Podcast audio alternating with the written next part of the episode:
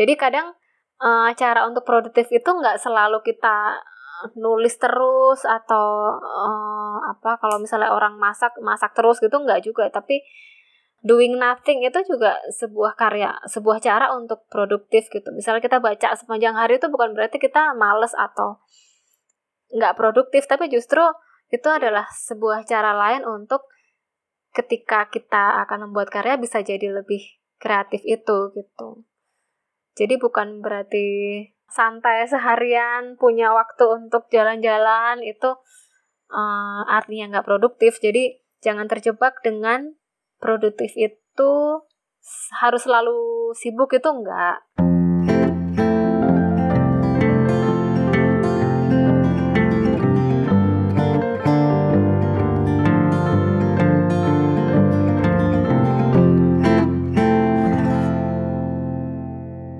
Halo, aku Peti dan kamu lagi dengerin podcast Main Mata. Podcast buku yang merupakan bagian dari Potluck Podcast Kolektif.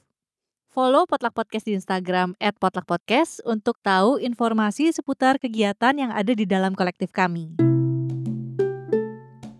Halo teman-teman, balik lagi di segmen Orang Dalam nih. Kali ini aku ngobrol dengan seorang penulis bernama Lucia Priandarini. Jadi kalau teman-teman tahu, Mbak Rini ini baru aja nerbitin buku puisi judulnya Buku Panduan Sehari-hari Kaum Introvert dan Mager. Ini diterbitin sama bagian sastranya Gramedia Pustaka Utama awal tahun 2021 kemarin. Nah, buku puisi ini tuh cukup menuai banyak pujian ya bisa dibilang karena menurutku sendiri isinya tuh memang relate banget ya dengan kondisi kita apalagi nih kaum kelas menengah di perkotaan. Soalnya di buku puisinya Mbak Rini banyak mengangkat fenomena sosial dan topik-topik Misalnya kayak relasi dengan orang lain, kemudian juga hubungan kita dengan pekerjaan, dengan orang rumah. Lalu ada juga kayak apa ya, kehidupan sehari-hari kita pekerja kantoran yang commute, kemudian suka nongkrong di coffee shop, kayak gitu-gitu. Nah, di bab podcast Main Mata ini, Mbak Rini cerita soal proses penulisannya dia dan gimana keresahannya dia saat ini menghadapi apa ya situasi dari sebelum dan kemudian saat ini setelah pandemi dan kaitannya dengan produktivitas dan juga kreativitas. Mbak Rini ini juga seorang penulis ahli wahana loh. Dia tuh nulis dari film ke buku, beberapa film yang mungkin kamu juga tahu, ada film posesif dan dua garis biru. Di sini juga Mbak Rini ceritain soal gimana dia menuliskan sebuah cerita yang diadaptasi dari film. Yuk kita dengerin. Halo Mbak Rini, apa kabar? Kalau eh, ditanya apa kabar di pandemi kan suka sebenarnya nggak oke okay, tapi harus jawab oke. Okay. oh iya sih, berarti kabar yang sebenar-benarnya gimana nih? Butuh jalan-jalan lagi. Kangen ya? Karena ini kan yang nggak setiap hari keluar rumah ya, jadi perlu recharge. Ya walaupun lagi pandemi gini kan Mbak Rini nih tetap ya awal 2021 nih tetap menerbitkan buku nih buku puisi, buku panduan sehari-hari kaum introvert dan mager. Nah, dari judulnya aja sih aku rasa banyak dari teman-teman juga yang rasa terpanggil gitu ya bisa dibilang. Walaupun sebenarnya yang nggak introvert sama yang nggak mageran juga cocok banget buat baca buku ini menurutku. Nah, pertanyaanku buat Mbak Rini nih. Buku panduan sehari-hari kaum introvert dan mager ini kan formatnya buku puisi ya. Sementara kalau misalnya ngeliat ke buku-buku yang Mbak tulis sebelumnya, belum pernah nih ada buku puisi. Jadi kenapa sih kepikiran untuk membuat format puisi buat menceritakan ini? Format puisi. Jadi ini sebenarnya kalau puisi itu adalah kumpulan apa ya? pikiran yang terlintas. Tapi kalau diceritain panjang itu kayak nggak cocok menurutku. Jadi paling enak tuh disampaikan lewat puisi supaya orang bisa punya persepsi masing-masing juga. Semua orang yang punya pemikiran serupa bisa memaknai masing-masing sesuai pengalamannya gitu. Kalau kita tulis dalam novel capek mungkin karena nggak semua hal tuh memang harus ceritakan panjang lebar ya. Bisa cukup dalam caption Instagram gitu misalnya atau dalam bentuk puisi juga malah menurutku lebih cocok karena aku selalu kalau bikin karya selalu berpikir uh, medium apa yang paling cocok untuk menyampaikan sebuah cerita. Kalau itu ditulis dalam cerpen, ya oke. Okay. Kalau ditulis dalam novel, oke. Okay. Kalau dalam puisi, uh, ada topik-topik tertentu yang menurutku lebih cocok disampaikan dalam puisi gitu. Oke. Okay. Terus kan buku panduan ini kan apa ya bisa dibilang kayak percampuran antara kondisi sebelum pandemi dan setelah pandemi.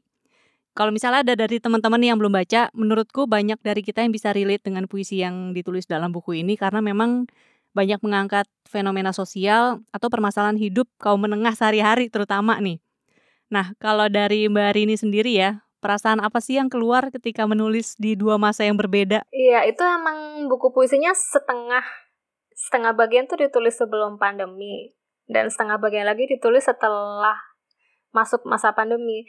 Menurutku sih waktu masa pandemi itu malah lebih susah ya buatku ya untuk kreatif karena kan yang tadinya kita sering ketemu orang, sering ngobrol, terus sering lihat ya fenomena yang setiap hari kita alami setiap hari jadinya cuma lewat layar kaca atau lewat cerita orang.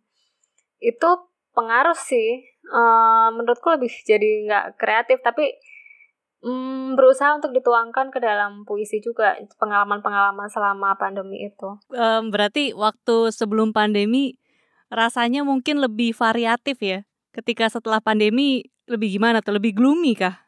Ya lebih gloomy. Terus mungkin menurutku ini ya uh, kalau yang ditulis sebelum pandemi itu dia pengendapannya lebih lama lebih panjang. Jadi lebih dalam. Kalau kita mau membahas sesuatu tuh lebih bisa lebih dalam. Tapi kalau segala hal yang kita alami saat awal pandemi itu aku nulisnya di awal-awal pandemi sih. Itu belum belum seberapa mengendap. Jadi kita cuman menceritakan yang kita alami tapi belum yang mungkin belum menarik makna dari situ. Jadi hmm. masih kita jalani kan. Mungkin kita baru bisa menarik yeah. makna dari sesuatu tuh setelah lewat masanya kan. Nah jadi mungkin cuman pengalaman yang dialami oleh indra gitu lima indra tapi belum yang sampai ke hati. Mungkin ya menurutku sih gitu. Apa ya antara kita sedang mengalami sama nanti setelah mengalami kan pasti punya dua pemikiran yang berbeda juga ya. Mm -mm, betul. Kalau ngelihat dari mungkin kata-kata gitu yang dipilih di buku panduan sehari-hari kaum introvert dan mager ini kan mungkin Mbak Rini juga udah tahu ya banyak yang bilang wah ini kata-katanya apa ya jenaka. Terus juga mungkin oh ada yang mengingatkan sama Jokpin gayanya Jokpin maksudnya yang humoris gitu loh. Nah kalau misalnya Mbak Rini sendiri nih sebenarnya penyair yang Mbak Rini suka deh itu siapa kalau di sini? Kalau Indonesia menurutku yang aku paling bisa menikmati Aan Mansur sih karena menurutku dia sastra tapi apa ya aku aku bisa menikmati sih. Karena ada juga yang uh, bahasanya indah tapi aku nggak bisa menikmati. Itu selera kan ya semua bacaan tuh kan pasti selera. Pada akhirnya kita akan mencari-cari mana yang sesuai sama selera kita. Kalau menurutku sih ya Aan Mansur Jokpin juga. Cuman mungkin lebih ke aku ngelihat Jokpin itu beda sih kayaknya dari yang awal-awal dulu yang dia bikin puisi celana itu sama yang sekarang kayaknya sekarang lebih semakin casual ya kalau dari buku puisi yang Mbak Rini tulis sendiri nih itu kira-kira ada influensi siapa nih di dalam pemilihan kata-kata, pemilihan topik gitu? Kalau mau bilangnya main An masuk kok kayaknya ini ya, kayaknya jauh banget ya. Tapi maksudku ketika aku bikin itu aku memang membaca beberapa karya puisi. Ya An Mansur pasti terus Jokpin pasti. Hmm. ya pada akhirnya mungkin menemukan ini ya menemukan gaya sendiri ya. Jadi gini awal-awalnya aku mau bikin puisi itu aku sebenarnya nggak percaya diri karena menurutku yang puisi itu kan sesuatu yang agung gitu ya agung yang sangat sastra gitu. Tapi terus kemudian ada satu masa aku uh, datang ke peluncurannya puisinya Joko Pinurbo yang perjamuan kongguan itu Waktu itu ada almarhum Pak Sapardi juga. Terus dengan santainya mereka bilang bahwa penulis itu dia nggak bisa bersuara selain dengan suaranya sendiri gitu. Jadi kalau misalnya kita mau pakai bahasa sehari-hari, bahasa yang hidup dalam masyarakat mereka membahasakannya ya itu nggak apa-apa, nggak harus kita pakai bahasa baku atau bahasa yang sangat sastra gitu. Karena memang Iya, kalau mungkin itu bukan gaya kita ya nggak apa-apa, nggak harus pakai bahasa seperti itu. Oh itu ya tapi bagus sih kata-katanya Pak Sapardi ya. Nah berarti kan nih sebelum buku puisi panduan sehari-hari kaum introvert dan mager, Mbak Rini udah nerbitin beberapa buku ya. Ada buku fiksi pertama itu yang novel episode hujan ya. Mm -mm, episode hujan judulnya. Terus ada yang sebelas sebelas. Ya sebelas sebelas. Terus ada buku non fiksi juga yang mengejar ujung pelangi ya ini di luar karya Ali Wahana dari film ke buku ya. Nanti kita bakalan ngobrolin tentang itu nanti. Tapi sekarang aku mau tanya dulu nih, buat keempat buku yang udah ditulis Mbak Rini, sebenarnya ada nggak sih benang merah dari setiap buku yang Mbak Rini tulis? Hmm, kayaknya nggak ada ya. Karena menurutku karya itu berkembang sesuai pertumbuhan manusia yang membuatnya gitu. Jadi kalau misalnya kita lagi punya cerita hmm. di satu masa, uh, misalnya baru lulus kuliah gitu, sedang di masa-masa idealis, terus kita pengen bikin sebuah tulisan yang tentang idealisme gitu. Pada masa itu kita nulis tentang idealisme. Aku menganggap itu baru akan selesai ketika sudah diceritakan. Sebuah tahap kehidupan itu lebih pas dilepaskan kalau udah diceritakan ketika ide itu muncul kita kurang lebih udah tahu tuh akan ceritakan dalam bentuk apa kalau itu cerpen aku punya uh, kumpulan notesnya sendiri-sendiri. Jadi kalau cerpen masukinnya cerpen. Kalau puisi puisi gitu.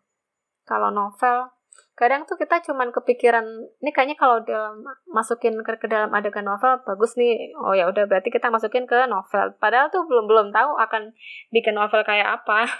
Terus berarti untuk yang buku puisi ini juga waktu itu udah terkumpul lumayan banyak dong tuh kayak ini kayaknya cocok buat jadi puisi puisi deh gitu. Uh -uh, yang paling banyak sebenarnya puisi itu mungkin dua tahunan ada kali itu cuma nulis topiknya. Oh Terus dikembangin jadi bentuk puisinya kapan? Nggak sampai setahun sih ya, beberapa bulan lah ya. Beberapa bulan sebelum pandemi dan diselesaikan saat pandemi itu. Menjelang akhir 2020 lah. Nah memang kan kalau dilihat juga nih di buku kumpulan puisinya, terus Mbak Rini kan kemarin juga sempat cerita ya. Ini ada, di dalam buku ini tuh ada potongan hal-hal yang Mbak Rini pedulikan lah bisa dibilang. Ada tentang perempuan, terus tentang menerima diri, Terus juga ada yang ya fenomena sosial misalnya kayak password wifi. Terus juga ada tentang hubungan dengan orang lain itu juga ada gitu. Nah kalau dari Mbak Rini sekarang nih, menurut Mbak Rini keresahan apa sih yang sekarang jadi perhatian nih? Yang dalam puisi atau sekarang sekarang ini? Mungkin sudah ada yang tergambar di dalam puisi kemudian akhirnya sekarang juga makin terakumulasi gitu. Jadi kalau habis bikin karya tuh sebenarnya aku sudah menanggalkan urusan yang aku pikirkan dalam karya itu. Oh. itu cara melepaskannya.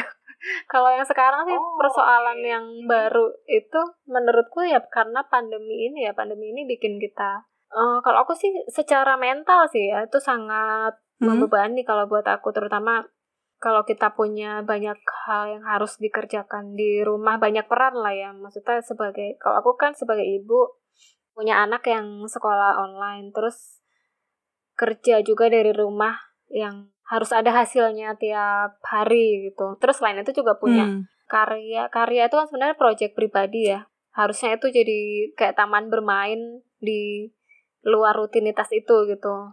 Yang harusnya tuh menyenangkan tapi ketika dalam masa pandemi ini malah buatku itu susah loh untuk berkarya itu karena kan kita harus kreatif ya. Untuk menjadi kreatif itu kalau buat aku sih perlu ngelihat banyak hal terus ketemu orang melihat berbagai peristiwa yang nggak cuma di layar kaca cukup jadi tantangan lah. Berarti kayak menjaga keseimbangan ya antara rutinitas sebagai ibu, kemudian sebagai pekerja kantoran, kemudian sebagai orang yang pengen berkarya. Nah, tapi mungkin nggak cuma jadi ibu ya, mungkin semua orang yang semua orang pasti kan punya mimpi pribadi sendiri ya, yang mungkin juga iya. terbatasi yeah. selama pandemi ini yang nggak semua hal harus bisa dikerjakan di rumah lah intinya.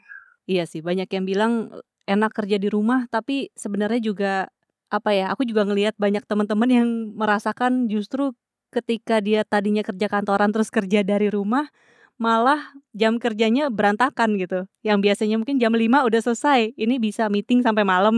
Uh, justru karena di rumah itu. Nah, kalau Mbak Rini sendiri gimana nih caranya menyisipkan waktu buat tetap menulis gitu? Sebenarnya selama 2021 ini aku belum belum menghasilkan karya yang baru sih. Ini kalau yang rencananya akan terbit tuh aku ngumpulin kumpulan cerpen yang dari zaman-zaman dulu mau aku jadiin buku. Mungkin kalau ditambah hmm. ditambah satu atau dua cerpen baru, tapi itu pun belum aku tulis sejujurnya. Yang aku sedang usahakan tuh justru gimana caranya supaya bisa tetap punya ide itu sih. Maksudnya ketika kita menulis itu kan kita perlu ada dalam sebuah mood yang mendukung aliran kata itu jadi enak dibaca. Nah, itu yang sebenarnya sedang diupayakan. Hmm. Setelah sekian lama di rumah tuh aku kemarin jalan-jalan, baru jalan-jalan keluar kota. Itu pun hari kerja supaya nggak banyak ketemu keramaian. Dan itu cukup membantu, banyak membantu karena sebelumnya aku sempat ada masa itu sampai nggak bisa tidur. Jadi aku kan habis kena covid itu aku sempat nggak bisa tidur kata dokter sih emang itu karena salah satu efek covid nah hmm. selama sebulan susah tidur itu bener-bener nggak bisa berpikir kreatif hanya bisa berfungsi sebagai manusia pekerja jadi cuman oh. beresin rumah terus ngerjain kerjaan kantoran habis itu udah selesai nggak punya ide nulis apa gitu nggak ada sama sekali karena emang capek ya hanya bisa asal fungsional lah, asal berfungsi bisa yeah. menghasilkan tapi bukan karya. Ya mungkin dari awal tahun belum nih, tapi kan sebenarnya pandemi kita sudah dimulai dari bulan Maret 2020 ya. Di situ kan juga pasti Mbak Rini ada penyesuaian nih. Mungkin ini waktu lagi bikin buku puisi berarti. Maksudnya itu kan juga sebuah proses menulis yang pasti harus menyesuaikan juga apalagi baru banget dari sebelum pandemi terus ke setelah pandemi gitu. Nah, waktu itu gimana Mbak Rini bisa tetap membagi waktu tuh untuk menulis? Kalau awal-awal pandemi sih masih bisa ya bangun jam 3 pagi gitu. Karena aku memang dari dulu suka bangun jam 3 pagi untuk nulis. Waktu-waktu sepi itu dimanfaatkan untuk nulis kreatif itu khusus untuk itu. Sampai jam 5 lah habis itu baru ngerjain pekerjaan rumah. Selain itu paling weekend ya, tapi weekend nggak selalu bisa juga sih. Terus kalau misalnya emang kalau yang pas itu ya, kalau yang pas ngerjain buku puisi itu memang ada masa-masa punya target harus menyelesaikan. Nah, itu berarti aku harus me menyerahkan beberapa tanggung jawab ke orang lain. Tanggung jawabnya itu dalam artian tanggung jawab rumah tangga kayak masak gitu. Itu berarti catering dulu gitu sementara nyuci juga enggak kasih ke laundry nah oh. solusi-solusi teknis ya karena kan ibu tantangannya teknis di waktu susah bagi waktu itu. Jadi solusinya juga harus teknis juga. Ya ini mungkin buat teman-teman yang kerja kantoran gitu ya juga mungkin bisa diterapkan kayak Mbak Rini bisa bela-belain bangun jam 3 pagi. Ya, tapi itu mungkin dulu. ini ya tergantung orangnya ya. Dia punya jam apa ya jam emas waktu emas untuk yeah, yeah. bisa berpikir kreatif itu kapan? Kalau mungkin jam 9 ke atas gitu ya pakailah jam itu. Kalau saya soalnya ngantuk jam 9 ke atas. Mendingan bangun pagi daripada tidur malam ya. ya? Uh, tapi ada orang yang lebih suka bekerja di malam hari, nah itu bisa lah dimanfaatkan itu. Kalau ngomongin produktivitas ya, produktivitas tuh kan sering erat kaitannya sama kuantitas gitu. Padahal kalau di dalam dunia kreatif, produktivitas sama kreativitas itu kadang adalah dua hal yang bertentangan gitu. Kadang kalau kita pengen banyak mengeluarkan karya, kita jadi mengabaikan kualitas. Padahal yang namanya kreativitas hmm. itu perlu waktu. Kadang kalau kita menulis sesuatu terus nggak bagus, kita perlu waktu untuk menulis ulang.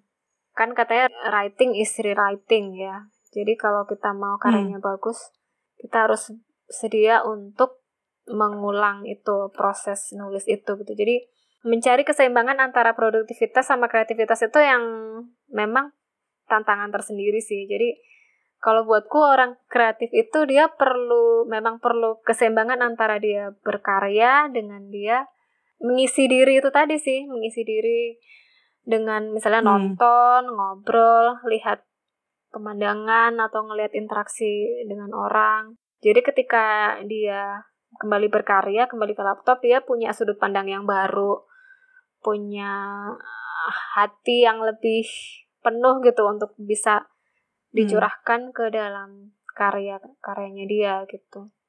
Jadi kadang uh, cara untuk produktif itu nggak selalu kita nulis terus atau uh, apa kalau misalnya orang masak masak terus gitu nggak juga tapi doing nothing itu juga sebuah karya, sebuah cara untuk produktif gitu. Misalnya kita baca sepanjang hari itu bukan berarti kita males atau nggak produktif, tapi justru itu hmm. adalah hmm. sebuah cara lain untuk ketika kita akan membuat karya bisa jadi lebih kreatif itu gitu.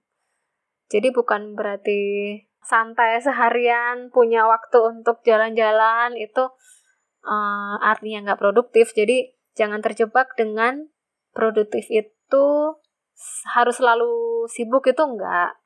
Karena sibuk hmm. dengan produktif itu adalah dua hal yang berbeda gitu.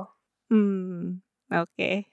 Kalau sekarang udah ada rencana lagi nggak nih untuk melanjutkan proses penulisan lagi yang baru? Ada sih. Sebenarnya waktu habis habis jalan-jalan itu merasa recharge banget sih, merasa apa? Terisi ibarat baterai yang kosong udah keisi lagi udah banyak ide baru. Mungkin sih Sabtu Minggu ya karena sekarang nggak tahu kenapa saya susah untuk bangun bangun dini hari lagi. Memang di akhir pekan tuh mendedikasikan untuk nggak megang ini ya nggak megang kerjaan kantoran. Jadi waktu-waktu itu bisa digunakan untuk itu. Cuman kalau sekarang aku ngerasanya aku merasa perlu untuk baca banyak buku dulu sih. Untuk bikin satu buku perlu baca 10 buku gitu katanya jadi kalau menulis belum tapi perlu untuk mengisi dulu baru bisa dikeluarkan lagi. Oke, ini tadi kan aku juga sempat bilang kalau selain buku-buku tadi novel sama non-fiksi itu dan puisi ya, Mbak Rini juga sempat bikin karya aliwahana mungkin bisa dibilang dari film ke buku. Mungkin ada dari teman-teman juga yang udah tahu sih, Mbak Rini ini kan mengadaptasi beberapa karya film kayak Posesif sama Dua Garis Biru ya.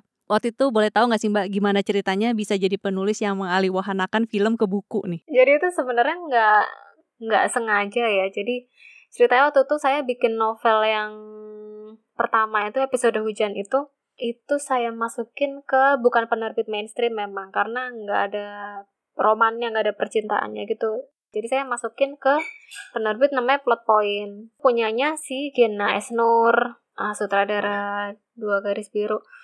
Nah tapi setelah editing dua tahun dua tahun tuh bayangin karena mereka emang penerbit idealis gitu. Mm-hmm. sampai dirombak berkali-kali. Sepuluh kali mungkin ada sih itu tulis ulang itu rewrite ya. Wow. terus penerbitnya tutup karena mm, dinilai kurang profit gitulah intinya nah waktu itu si Gina bilang nanti kalau ada project lagi aku kabarin ya it's not the end kok gitu hmm. itu tahun 2015 nah tahun 2016 itu buku saya terbit oleh penerbit lain sama Grasindo. Nah, di tahun 2017 itu si Gina kontak saya untuk untuk bikin adaptasi dari skenario yang dia bikin dari posesif itu. Jadi diajak untuk nonton filmnya dulu, setelah itu bikin hmm. adaptasinya. Ini kan memang aku belum pernah membaca buku yang dialiwahanakan dari film ke buku ya, bukan versi dari buku dari film. Jadi uh, ini kan emang bukunya baru dibuat setelah filmnya jadi gitu, setelah ada uh, setelah ada filmnya. Nah, waktu pertama kali diajak bikin buku dari film nih, apa yang Mbak Rini lakukan supaya bisa menuliskan dengan baik? Yang pertama saya lakukan adalah membaca skripnya pastinya. Kemudian di dalam skrip itu ada lampiran karakter-karakter. Jadi di dalam skrip itu diceritakan kalau si tokoh A ini latar belakangnya kayak gimana mungkin nggak kelihatan di skripnya tapi itu penting untuk penulis skenario dan sutradaranya dan itu juga menjadi faktor penting yang diperlukan oleh penulis novelnya gitu jadi sebuah konflik itu bisa tercipta dari benturan karakter-karakter dalam dalam satu film itu jadi kalau misalnya kita tahu masa lalunya tokoh A, kita bisa menemukan alasan kenapa tokoh A melakukan suatu tindakan hmm. gitu dalam film itu yang mungkin nggak dimunculkan dalam film. Jadi bisa dimunculkan dalam novel. Alasan-alasan kenapa setiap tokoh melakukan tindakan yang mereka lakukan itu. Terus gimana caranya supaya pembaca itu bisa lebih mengenal tokoh yang tadinya cuma mereka tonton. Dalam novel tuh mereka bisa lebih tahu tuh masa lalunya si tokoh, terus keluarganya seperti apa, hubungannya dia sama orang lain seperti apa terus suara-suara hatinya atau pikirannya dia yang nggak muncul di film jadi orang yang sudah menonton filmnya dia akan merasa lebih lengkap dengan membaca novelnya gitu iya sih tadinya tuh aku nggak kepikiran loh bener kayak dari buku ke film tuh bisa kebayang karena misalnya oh buku kita di dalam imajinasi gitu ya apa yang terjadi di dalam buku kemudian ketika difilmin kita bisa melihat hasil imajinasi itu dalam bentuk visual. Tapi ketika film ke buku sebenarnya juga Ali Wahana yang memperkaya juga ya karena memang nggak semua yang ada di film itu kan bisa diceritakan memang lebih, lengkap pasti di buku ya. Ya betul. Nah kalau tadi Mbak Rini bilang biasanya nih sebelum menulis perlu ngasih nutrisi dulu nih ke otak ya dengan membaca buku-buku gitu. Kalau untuk Ali Wahana dari film ke buku ini nutrisi apa nih yang Mbak Rini makan nih? Waktu itu pertama banget sebenarnya aku baca novelnya ini The Copy A Copy of My Mind yang dibukukan juga sama Dewi Karisma itu aku baca itu aku nanya ini caranya gimana untuk bisa hmm. bikin supaya bisa bikin jadi novel? Terus dia dia kurang lebih menceritakan seperti yang akhirnya aku lakukan sih memperdalam karakter itu. Terus selain itu baca bukunya Pak Sapardi yang judulnya Ali Wahana itu lumayan membantu hmm karena kita jadi nggak merasa takut salah gitu. Karena kalaupun salah itu bukan berarti salah. Dalam artian setiap karya itu pasti dimaknai secara berbeda oleh masing-masing kepala gitu. Dari skenario hmm. bisa di, dimaknai berbeda oleh sutradara. Sehingga mungkin bisa juga ketika sebuah skenario itu difilmkan pasti ada perubahan-perubahan dalam perjalanannya. Demikian juga kalau sebuah skenario dinovelkan itu pasti akan ada banyak bagian yang dimaknai secara berbeda sama penulis novelnya dan itu dibebaskan sama Gina. Jadi dia bilang ketika dia baca novel yang positif itu dia menemukan makna-makna baru dari karyanya dia sendiri. Hmm, ini berarti waktu itu dia memang tidak mengintervensi juga ya untuk proses penulisannya? Enggak, tapi dia cuma ngasih contoh misalnya baca novel apa yang menurut dia kurang lebih sama coraknya lah sama si posesif ini. Berarti kalau mengikuti kata Pak Sapardi, karya Ali Wahana itu memang dibebaskan ke si pengkarya yang membuat yang mengaliwahanakannya itu ya. Karena itu justru proses aliwahana itu memperkaya karya yang asli itu. Hmm, dua-duanya menjadi karya asli gitu. Iya, betul, karya baru. Kalau menurut Mbak Rini nih yang udah mengaliwahanakan dua karya ya, Aku baca tuh yang dunia arahnya keluarga Cemara juga ditulis Mbak Rini. Uh, itu bukan Aliwana apa ya? Kayak bikin cerita baru dari semesta yang sama. Oh, oke okay, oke okay, oke. Okay.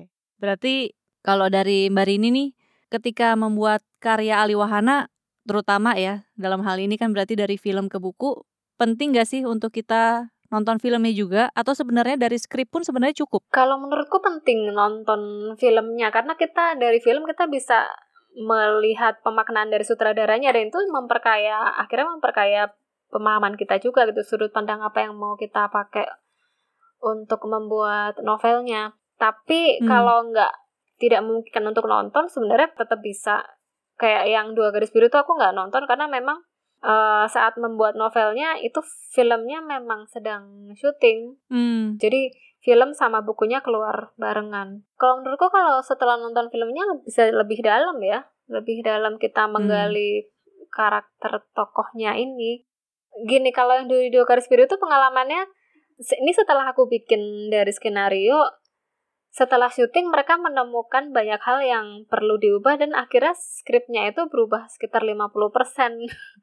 Jadi sehingga aku harus oh. menyesuaikan lagi gitu, menyesuaikan lagi untuk bikin ceritanya sesuai dengan skrip yang terbaru. Selama proses ambil gambar tuh mungkin ya, mungkin ada diskusi lagi nih antara sutradara sama penulis skenario-nya yang membuat si film ini akan jadi lebih menarik dan bermakna gitu mungkin ya. Waktu itu bukunya juga diubah berarti? Iya, uh, dalam waktu singkat ya. Mungkin yang bikin saya agak apa ya? Menurut saya saya lebih siap di buku posesif karena waktunya lebih panjang dan filmnya sudah selesai. Sementara kalau di dua garis biru itu memang waktunya singkat sih untuk mengerjakan uh, adaptasinya itu dengan banyak perubahan juga. Di industri kreatif ya memang begitu ya perlu kecepatan yeah. untuk ngikut uh, adaptasi dengan dengan proses kreatif teman-teman yang lain. Oke, ini pertanyaan terakhir deh dari aku. Film apa nih yang mungkin Mbak Rini kebayang ya pengen banget nulisin versi bukunya? Ada nggak? Kalau nulis versi bukunya enggak loh. oh? Gini, uh, apa ya film-film itu menurutku tidak harus ditulis ulang pun kan sebenarnya kita punya pemaknaan sendiri ya dalam setiap kali kita habis nonton film kita pasti kalau film yang bagus tuh bikin kita bengong dulu kan setelah bikin kita merenungi. Dan mungkin kalau ada karakter-karakter yang relate sama diri kita ya kita jadi berkaca juga gitu. Kalau misalnya itu ditulis ditulis dalam bentuk novel ya sebenarnya mm, nggak mm, harus gitu loh nggak harus nggak harus kita menulis dalam bentuk yang teksnya gitu. Karena uh, ya pasti setiap orang punya kesan masing-masing yang dia bisa menuliskannya dalam bentuk blog gitu. Misalnya apresiasinya dalam bentuk blog atau even cuman review atau dia cerita ke orang itu kan sebenarnya udah dalam bentuk udah sebuah apa ya pemaknaan sendiri gitu karena kalau misalnya ditanya ke penulis ya pasti penulisnya pengen bikin cerita sendiri ya. Bener-bener pasti punya ide sendiri soalnya. Oke deh kalau gitu. Uh, makasih Mbak Rini buat ngobrol-ngobrolnya. Aku juga makasih. Terima kasih udah dengerin. Kalau misalnya kamu suka dengan bab ini, share dong bab ini ke media sosial kamu supaya teman-teman kamu yang suka baca buku dan mungkin juga suka dengan Mbak Rini bisa dengerin. Lalu jangan lupa follow juga podcast Main Mata di Spotify, kemudian follow Potluck Podcast di Instagram @potluckpodcast dan subscribe channel YouTube Potluck Podcast Kolektif. Karena kalau di situ aku suka berbagi rekomendasi buku yang gak ada di platform podcast lainnya. Segitu dulu, sampai jumpa lagi. Dadah.